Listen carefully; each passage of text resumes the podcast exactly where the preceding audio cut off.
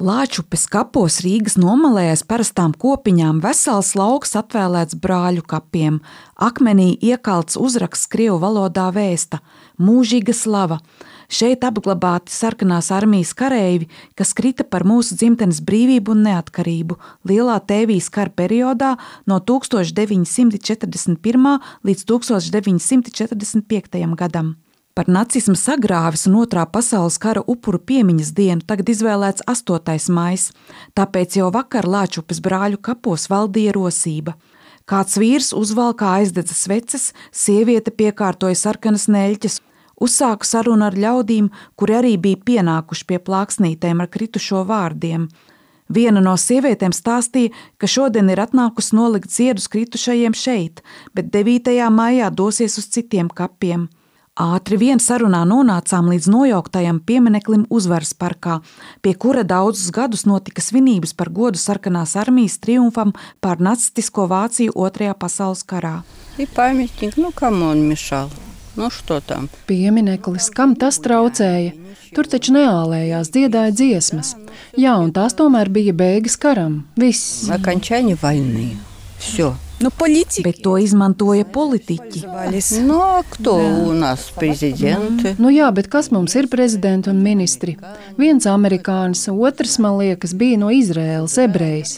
Es dažkārt apskatos biogrāfijas. Viņi visi ir bijuši fašisti. Когда смотрю, да, тоже. Нет, все ну, я говорю фашисты по были. повоdu. Nē, es te vairāk runāju par Putinu.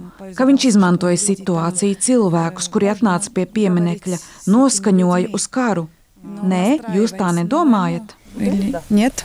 Нет, не думаете так? Путин вообще-то Putins vispār, kad uz viņu paskatās, dvēseles dziļumos ir labs cilvēks. Es pat pievērsu uzmanību. Vienreiz, kad pieminēja kritušos, viņam asaras sāk tecēt. Viņš ir labs cilvēks, tāpēc arī ar Ukrainu velk tādu gumiju, jo viņam vienkārši ir žēl cilvēku. Lai kā arī nebūtu, tur arī mirst bērni un tā. Bet visam ir savas robežas. Tāpēc jā, banderoviešiem jādara gals, cik ilgi var ciest.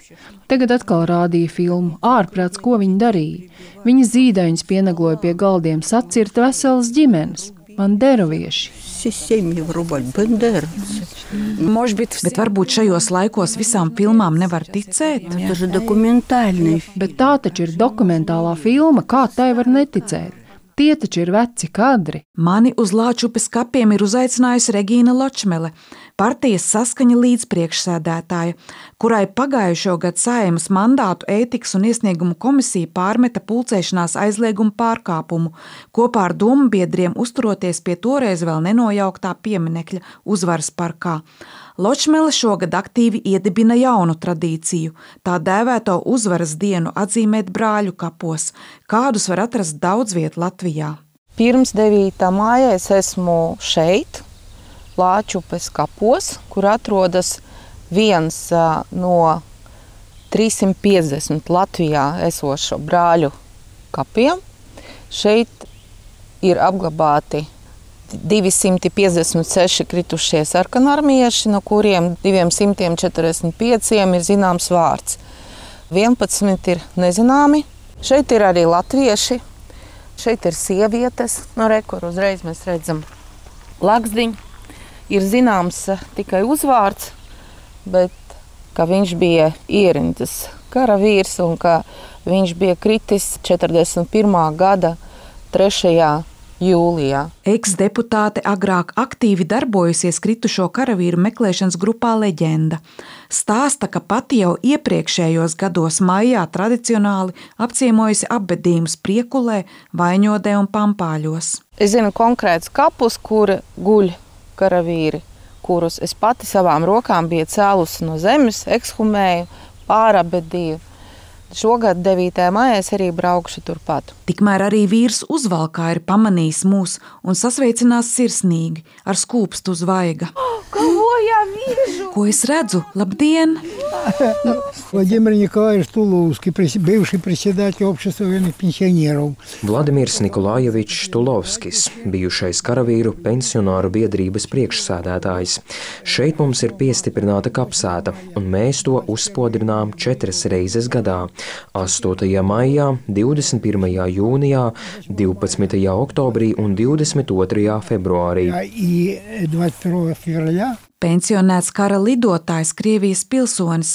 Viņš nosauc datumus, kas acīm redzot pietuvināti sarkanās armijas gada dienām un panākumiem Latvijas teritorijā. Pašam gan otrā pasaules kara sākumā bijuši tikai seši gadi. Tagad ir 88. Скажите, сколько есть, Sakiet, cik kara veterāni vēl ir dzīvi? которые Значит, у были? нас одна осталась. У на- А было, когда я... Ir tikai viena sieviete. Kad es pirms 27 gadiem, 1995. gadā, organizēju biedrību, bija 180 veterāni. Tiem, kam kara sākumā bija 18, tagad ir 100. Ne katrs tik ilgi ir nodzīvojis. Interesanti. Putins viņiem vēl sūta apsveikumus. Protams, Putins un pats galvenais mūsu pilsētas bijušais mērs Ušakovs katru gadu kaut kādā veidā sūta apsveikumus un suvenīriņus. Regīna Ločmēna Ločmela gan precizē, ka mūsu vidū Latvijā vēl esot 470 bijušie otrā pasaules kara veterāni, sarkanārmieši, koncentrācijas nometņu ieslodzītie, toreizējie nepilngadīgie, kuri strādāja rūpnīcās kara vajadzībām vai arī kara hospitāļos. Kā noprotams, par šiem cilvēkiem un arī dzen par 9. maija norisēm Latvijā joprojām ir aktīva interese arī kaimiņu valstī Krievijai, bet 9. maija svinētāja noskaņojums Krievijas uzsāktā kara apstākļos ir ļoti svārstīgs. Austrum Eiropas politikas pētījuma centra eksperts Mārtiņš Kaprāns, kuram viens no pētījuma virzieniem ir krievalodīgie iedzīvotāji postpadomu telpā, to nosauc par aizberga neredzamo daļu. Redzamais eh, attiecībā uz 9. māju ir tas, ka daļa vai vismaz eh, redzamākās krievalodīgās partijas un arī aktīvisti ir aicinājuši šo 9. māju atzīmēt brāļu kapos, tad tajās piemiņas vietās, kur vienmēr latvieši arī ir gribējuši, lai krievalodīgi atzīmēt 9. māju. Šie redzamie fakti liecina par to, ka Latvijas krievlodīgā kopiena, vismaz tā, kas aktīvi 9. maijā piedalījās un atzīmēja to, ka tā visdrīzāk ir samierinājusies ar jauniem apstākļiem un jauno realitāti. Taču ārpus Rīgas, īpaši Daugopilī, samierināšanās iespējams ir tikai ārēja, saka Kaprāns. Un arī tur spriedze ir saistīta ar pieminekļiem. Ziniet, es pats biju marta vēl sākumā Daugopilī, tajā vietā, kur tika demontēts piemineklis novembra sākumā vai oktobra beigās, laikam tas bija. Un tagad tajā vietā joprojām cilvēki noliek ziedus, tur svecītes deg, tad kāds viņus aizdedzina katru dienu, un tas savukārt kalpo kā atgādinājums par šo neredzamo, neredzamo daļu.